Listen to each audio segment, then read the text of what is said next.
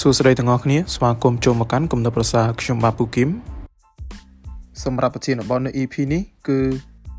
លទ្ធផលនៃការអនុវត្តរូបមន្ត Life Savers ចំនួន150ថ្ងៃមុននឹងខ្ញុំនិយាយអំពីបទពិសោធន៍ហើយនិងលទ្ធផលនៃការអនុវត្តនៅរូបមន្តនេះអញ្ចឹងដំបូងខ្ញុំសូម review អំពីរូបមន្តនេះទៅប្រាប់អ្នកដែលមកថ្មីមិនទាន់បានស្គាល់វាសិន ដោយរូបមន្ត Life Saver នេះគឺជារូបមន្តមួយបាទដែលមានឈ្មោះថារូបមន្តសង្គ្រោះជីវិតដែលបានដកស្រង់ចេញពីសៀវភៅ The Miracle Morning ឬក៏ពេលព្រឹកដ៏អស្ចារ្យដែលសរសេរឡើងដោយលោក Hal Elrod ដោយ EP មុនមុនខ្ញុំបានធ្វើការអធិប្បាយលម្អិតស៊ីជម្រៅដែរហើយអញ្ចឹង EP នេះខ្ញុំសូម review ខ្លីៗទេហើយនឹងនិយាយអំពីបទពិសោធន៍របស់ខ្ញុំក្នុងការធ្វើរូបមន្តនេះ ដោយការអនុវត្តនៅរូបមន្ត Live Server នេះខ្ញុំមិនបានធ្វើជារៀងរាល់ថ្ងៃតែម្ដងទេ បាទតែខ្ញុំព្យាយាមធ្វើឲ្យកាន់តែច្រើនតាមតែធ្វើបានហើយចំណែកឯមូលហេតុដែលខ្ញុំធ្វើមិនបានរៀងរាល់ថ្ងៃនៅពេលដំបូងហ្នឹងយើងភ្លេចឬក៏ខ្ជិលទៅហើយធ្វើបានមួយរយៈមកក៏យើងមានកម្មវិធីជប់លៀងបាទយើងហូបយើងយប់ជ្រៅដែរហើយងើបឡើងក៏ហួសពេលខ្លះណាក៏ដល់ថ្ងៃហើយនឹងពេលខ្លះទៀតបាទដេកជួយនឹងចិនជួយនឹងខ្មែរហ្នឹងក៏ខ្ញុំអត់បានធ្វើដែរ ប៉ុន្តែយ៉ាងណាក្តីចំនួន150ថ្ងៃហ្នឹងខ្ញុំប្រកាសចិត្តថាខ្ញុំបានធ្វើវាយ៉ាងអន់បំផុតណាក៏120ថ្ងៃឡើងដែរហើយម្យ៉ាងទៀតរូបមន្ត Live Saver នេះគឺមានចំនួន6ផ្នែកផ្សេងៗគ្នាអញ្ចឹងខ្ញុំសូមអធិប្បាយម្ដងមួយផ្នែកប្រាប់អ្នកទាំងអស់គ្នាតែម្ដងទៅទី1 silent ភាពស្ងៀមស្ងាត់នៅក្នុងនេះនេះគឺយើងសង្កត់ទៅលើភាពស្ងៀមស្ងាត់ប្រកបទៅដោយគោលបំណងច្បាស់លាស់ ដោយគ្មានសម្លេងរំខាន ឬក៏ការប្រាស់ប្រាស់រាងកាយហួសចំណោះឡើយដោយនៅក្នុងសិភៅនេះគឺគេផ្ដោតលើសមាធិដោយដំបូងនោះគឺយើងរំលាយបាទនៃការគិតមួយម៉ៃដូចជាគិតពីអតីតកាលបញ្ហានៃបច្ចុប្បន្នក៏ដូចជាការបារម្ភពីអនាគតដែរហើយយើងនឹងធ្វើការដកដង្ហើមបាទដោយយើងធ្វើការដកចូលបាទ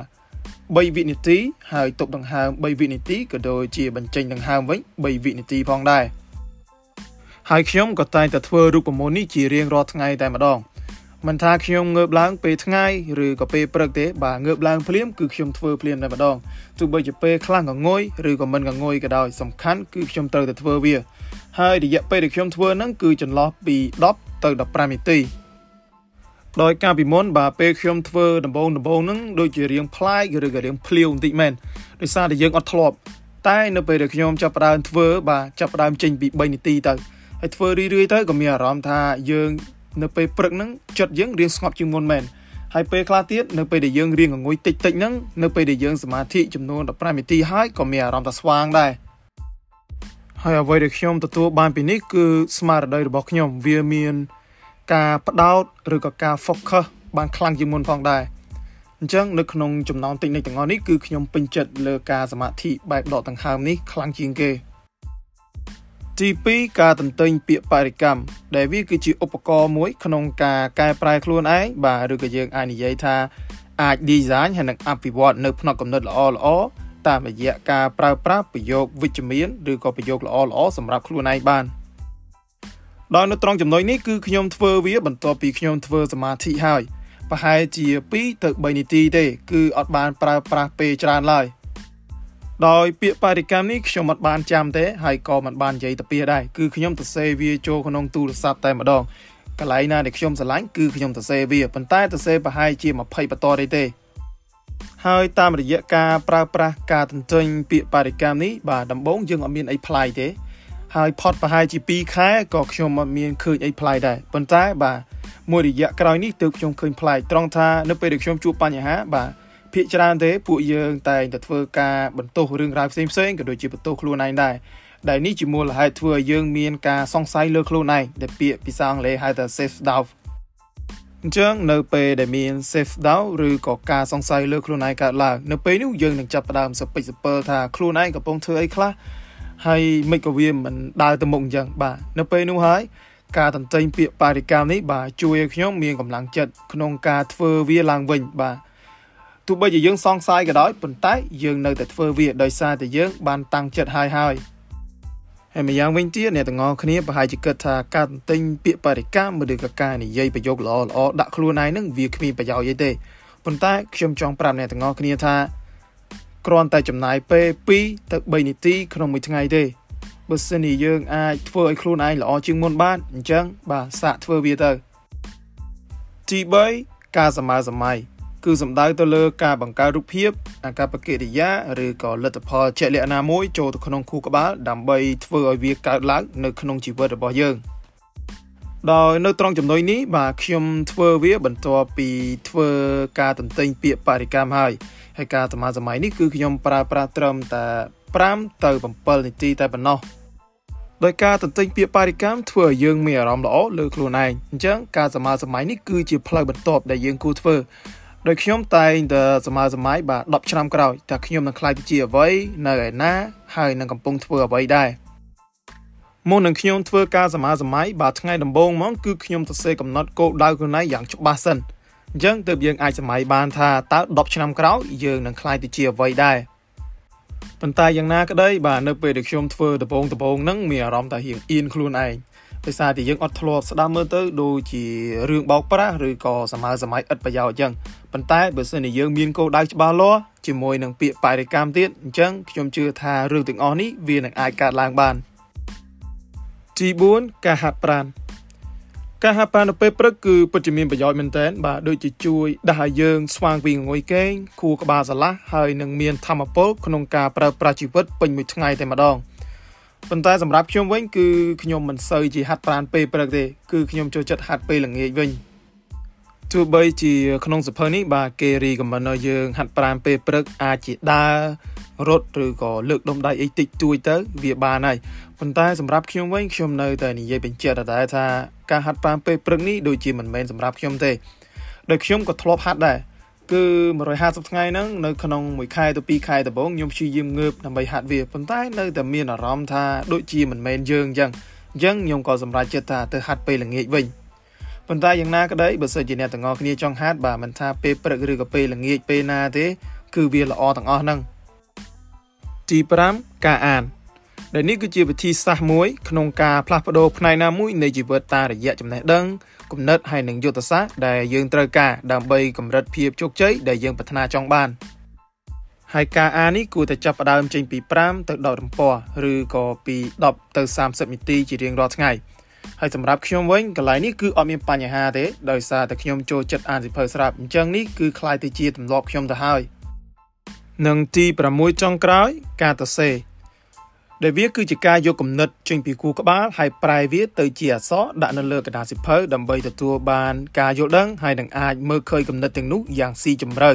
បើសិនជាយើងមិនធ្វើអញ្ចឹងទេគំនិតទាំងនោះនឹងคล้ายទៅជារបស់សពិចសពិលហើយ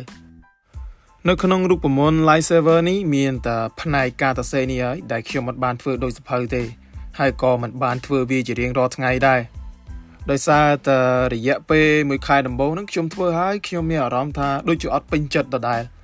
មានអារម្មណ៍ថាធ្វើហើយវាអត់បានអីទាំងអស់អញ្ចឹងបាទខ្ញុំអាចយកវាទៅកែច្នៃធ្វើជារបស់ផ្សេងទៀតដែលខ្ញុំគិតថាវាស័ក្តិសមនឹងខ្ញុំជាងមុន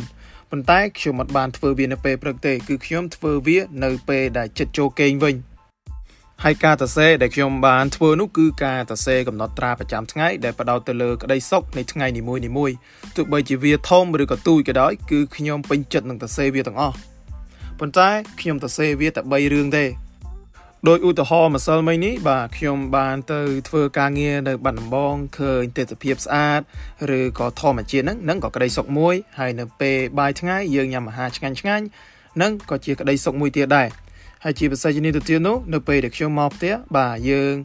អាចញ៉ាំចំណីអាហារឆ្ងាញ់ឆ្ងាញ់ឬក៏អានបញ្ចប់សភៅមួយក្បាលហើយនឹងចាប់ផ្ដើមសភៅមួយក្បាលទៀតអាហ្នឹងក៏ជាក្តីសុខយើងដែរអញ្ចឹងក្តីសុខវាមិនពិបាករកទេសំខាន់នោះគឺយើងផ្ដោតទៅលើវាតែប៉ុណ្ណោះហើយម្យ៉ាងវិញទៀតខ្ញុំប្រហែលជាអាចធ្វើលើសពីនឹងទៀតដោយខ្ញុំប្រហែលជាអាចបង្កើត channel មួយហើយនឹងធ្វើការរៀបរាប់ឬក៏បង្ហាញវីដេអូអំពីសេចក្តីសុខតូចៗរបស់ខ្ញុំជារៀងរាល់ថ្ងៃចំនួន3រឿងដែរ អញ្ចឹងបាទនៅពេលដែលខ្ញុំរៀបរាប់ម្ដងមួយម្ដងមួយហើយបាទដល់ពេលដែលខ្ញុំធ្វើការរៀបរាប់ជារូបមន្តមូលតែម្ដងថាវាមានផលប្រយោជន៍អីខ្លះហើយនឹងមានការពិបាកអីខ្លះដែរដោយដំបូងបាទបន្ទាប់ពីខ្ញុំងើបពីដេកតែម្ដងហ្នឹងអ្វីដែលខ្ញុំត្រូវធ្វើនោះគឺសមាធិតែម្ដងអាចចំណាយពេលពី10ទៅ15នាទីបន្តមកទៀតគឺខ្ញុំធ្វើការតន្ទិញពាក្យបរិកម្មហ្នឹងចំនួន2ទៅ3នាទីហើយបន្តមកទៀតនោះគឺខ្ញុំធ្វើការសមាសម័យរូបភាពខ្លួនឯងនៅពេលអនាគត ហើយចំណែកឯការហាត់ប្រាណនោះគឺខ្ញុំធ្វើនៅពេលល្ងាចហើយការអាននោះគឺអានឲ្យច្រើនតាមតែធ្វើបានបើសិនជាមានពេលហើយនឹងចុងក្រោយនោះគឺការសរសេរគឺខ្ញុំធ្វើវានៅពេលដែលមុនគេង10នាទីចំណែកឯគុណវិបត្តិឬក៏ផលវិបាកនៅពេលធ្វើដំបងដំបងវិញគឺដោយសារតែយើងតាំងចិត្តពេកហើយនៅពេលដែលយើងធ្វើអត់បានគឺយើងមានអារម្មណ៍ថា ដូចជាធុញនឹងខ្លួនឯងដែរបាទដោយសារតែរឿងតូចតូចប្រើប្រាស់ពេលតិចមែនតែយើងអាចធ្វើវាបានប៉ុន្តែយ៉ាងណាក្តីខ្ញុំនឹងព្យាយាមធ្វើវាឲ្យច្រើនតាមតែធ្វើបានហើយនៅពេលដែលចូលដល់ខែទី2បាទខ្ញុំនឹងចាប់ផ្ដើមឃើញថាគ្រប់យ៉ាងវានឹងអាចคล้ายទៅជាទម្លាប់ហើយយើងធ្វើវាដោយមិនចាំបាច់ប្រឹងប្រែងខ្លាំងជាងមុនទេហើយសម្រាប់អ្នកទាំងអស់គ្នាបាទដែលចង់ធ្វើខ្ញុំសូមរីកមិនឲ្យធ្វើការសរសេរជា to do list នៅក្នុងទូរស័ព្ទទៅ ដោយនៅមុនម៉ោង8យប់ឬក៏អីយើងត្រូវតែបំពេញវាអស់ជាដើមតែពេលខ្លះយើងអាចភ្លេចធ្វើអីមួយអញ្ចឹងបាទអញ្ចឹងយើងអាចធ្វើវារឿយៗទៅនៅពេលដែលចូលដល់ខែទី2ទី3អញ្ចឹងយើងធ្វើវាជាទម្លាប់យើងអត់ចាំបាច់ត្រូវការ to do list នេះទៀតទេហើយបន្ទាប់ពីយើងធ្វើវាបាន2 3ខែហើយទើបយើងអាចឃើញពីភាពខុសប្លែកមិនថាផ្លូវចិត្តផ្លូវកាយទាំងស្មារតីផងដែរអ្វីដែលខ្ញុំបានកត់សម្គាល់នោះគឺការសម័យសម័យខ្លួនឯងនៅរយៈពេល10ឆ្នាំក្រោយ គឺខ្ញុំបានសង្កេតឃើញថានៅពេលដែលយើងមានក្តីសុខជាមួយវានៅ10ឆ្នាំក្រោយហ្នឹងនៅពេលនោះខ្ញុំក៏ចាប់ផ្ដើមមើលខ្លួនឯងនៅពេលបច្ចុប្បន្នអញ្ចឹងខ្លួនឯងបច្ចុប្បន្នហើយនឹងខ្លួនឯង10ឆ្នាំក្រោយហ្នឹងគឺមានរយៈពេល10ឆ្នាំទៀតបាទអញ្ចឹងវាប្រៀបដូចទៅជាស្ពានអញ្ចឹងតែយើងគួរតែធ្វើអ្វីខ្លះដើម្បីឲ្យដល់ចំណុចនោះមិនមែនថាយើងសមាសម័យនិយាយចោលហើយអត់មានសកម្មភាពទេអញ្ចឹងយើងអាចធ្វើការកំណត់គោលដៅបាទជាចន្លោះជាចន្លោះឬក៏ធ្វើបេសកកម្ម mission អីខ្លះដើម្បីឲ្យយើងទៅដល់ចំណុចនោះអញ្ចឹងបាទការទន្ទិញពាក្យបរិកម្ម គឺខ្ញុំទៅសេអ្វីដែលខ្ញុំចង់បានបាទការលើកទឹកចិត្តខ្លួនឯងថាធ្វើមិនខ្លះដើម្បីឲ្យយើងទៅដល់ចំណុចនោះផងដែរអញ្ចឹងទើបយើងសមាធិឲ្យចិត្តស្ងប់ទៅហើយយើងរនឹកតែយើងទៅធ្វើអីខ្លះដែលវាគឺជាស្ពានបាទសម្រាប់ឆ្លងពីខ្លួនឯងទៅបច្ចុប្បន្នទៅរកខ្លួនឯងនៅពេលអនាគតអញ្ចឹងសរុបមកវិញបន្ទាប់ពីធ្វើរូបមន្ត live server នេះបាទ150ថ្ងៃហើយខ្ញុំឃើញថាមានការផ្លាស់ប្ដូរទាំងផ្លូវកាយទាំងផ្លូវចិត្តក៏ដូចជាស្មារតីផងដែរ ដោយតាមរយៈការហាត់ប្រាណបាទជំនួយដល់សុខភាពផ្លូវកាយការអាន ជួយដល់ស្មារតីក៏ដូចជាការសមាធិជួយដល់ទាំងស្មារតីទាំងផ្លូវចិត្តទៀតហើយជាពិសេសទៅនេះទៅទៀតនោះគឺយើងទទួលបាននៅជីវិត ដែលមានគោលដៅច្បាស់លាស់ខ្លាំងផងដែរដែលជាហេតុធ្វើឲ្យយើងមានក្តីសុខតិចតិចប្រចាំថ្ងៃក៏ដូចជាការប្រើប្រាស់ជីវិតដែលគ្មានអីធុញទៀតផង គឺយើងប្រើប្រាស់វាជាមួយនឹងការរំភើបតិចតិចបាទ ហើយនឹងការខំប្រឹងតិចតិចដែលទាំងអស់នេះហើយគឺជាការលើកលើកទឹកចិត្តឬក៏ជាប្រេងឥន្ធនៈមួយបាទសម្រាប់បញ្ឆេះខ្លួនឯងឲ្យដើរទៅមុខរហូតដល់អ្វីដែលខ្លួនឯងទទួលចង់បានហើយចំពោះលទ្ធផលចុងក្រោយទោះបីជាខ្ញុំដល់គោលដៅឬក៏អត់ក៏ដោយអ្វីដែលសំខាន់នោះគឺខ្ញុំពេញចិត្តជាមួយនឹងបច្ចុប្បន្នហើយខ្ញុំនឹងព្យាយាមធ្វើវាឲ្យខ្លាំងហើយនឹងឲ្យល្អបំផុតតាមតែធ្វើបាន ហើយនឹងខ្ញុំសូមឆ្លើយសំណួរមួយប្រហែលជាអ្នកទាំងអស់គ្នាមាននៅក្នុងចិត្តដែរគឺថាតើយើងគួរតែធ្វើនៅរូបមន្តនេះដែរឬអត់សម្រាប់ខ្ញុំវិញខ្ញុំសូមរីកមិនឲ្យអ្នកទាំងអស់គ្នាធ្វើទៅបាទទោះបីជាតិចតួចឬក៏ធ្វើអត់បានជាប់លាប់ជាប្រចាំថ្ងៃក៏ដោយខ្ញុំជឿថាបើសិនជាយើងព្យាយាមធ្វើវាបាទធ្វើរឿយៗទៅវាអត់ស៊ីពេលច្រើនទេហើយក៏មិនទៀមទាកម្លាំងអីច្រើនដែរ យើងអាចធ្វើវារហូតទៅនៅពេលដែលខ្លាយទៅជាទម្លាប់បាទអ្នកទាំងអស់គ្នាធ្វើវាជាប់បាន2 3ខែនោះអ្នកទាំងអស់គ្នានឹងដឹងថាវាពិតជាស័ក្តិសមនឹងធ្វើមែនហើយមុននឹងខ្ញុំបញ្ចប់បទខានេះបើសិនជាមានគ្នាយើង បាទនរណាគេដែលបានធ្វើរូបមន្តនេះហើយបាទជួយមេត្តាខមមិនប្រាប់ឲ្យខ្ញុំដឹងផងសូមអរគុណពីខ្ញុំពូគឹមសូមជម្រាបលា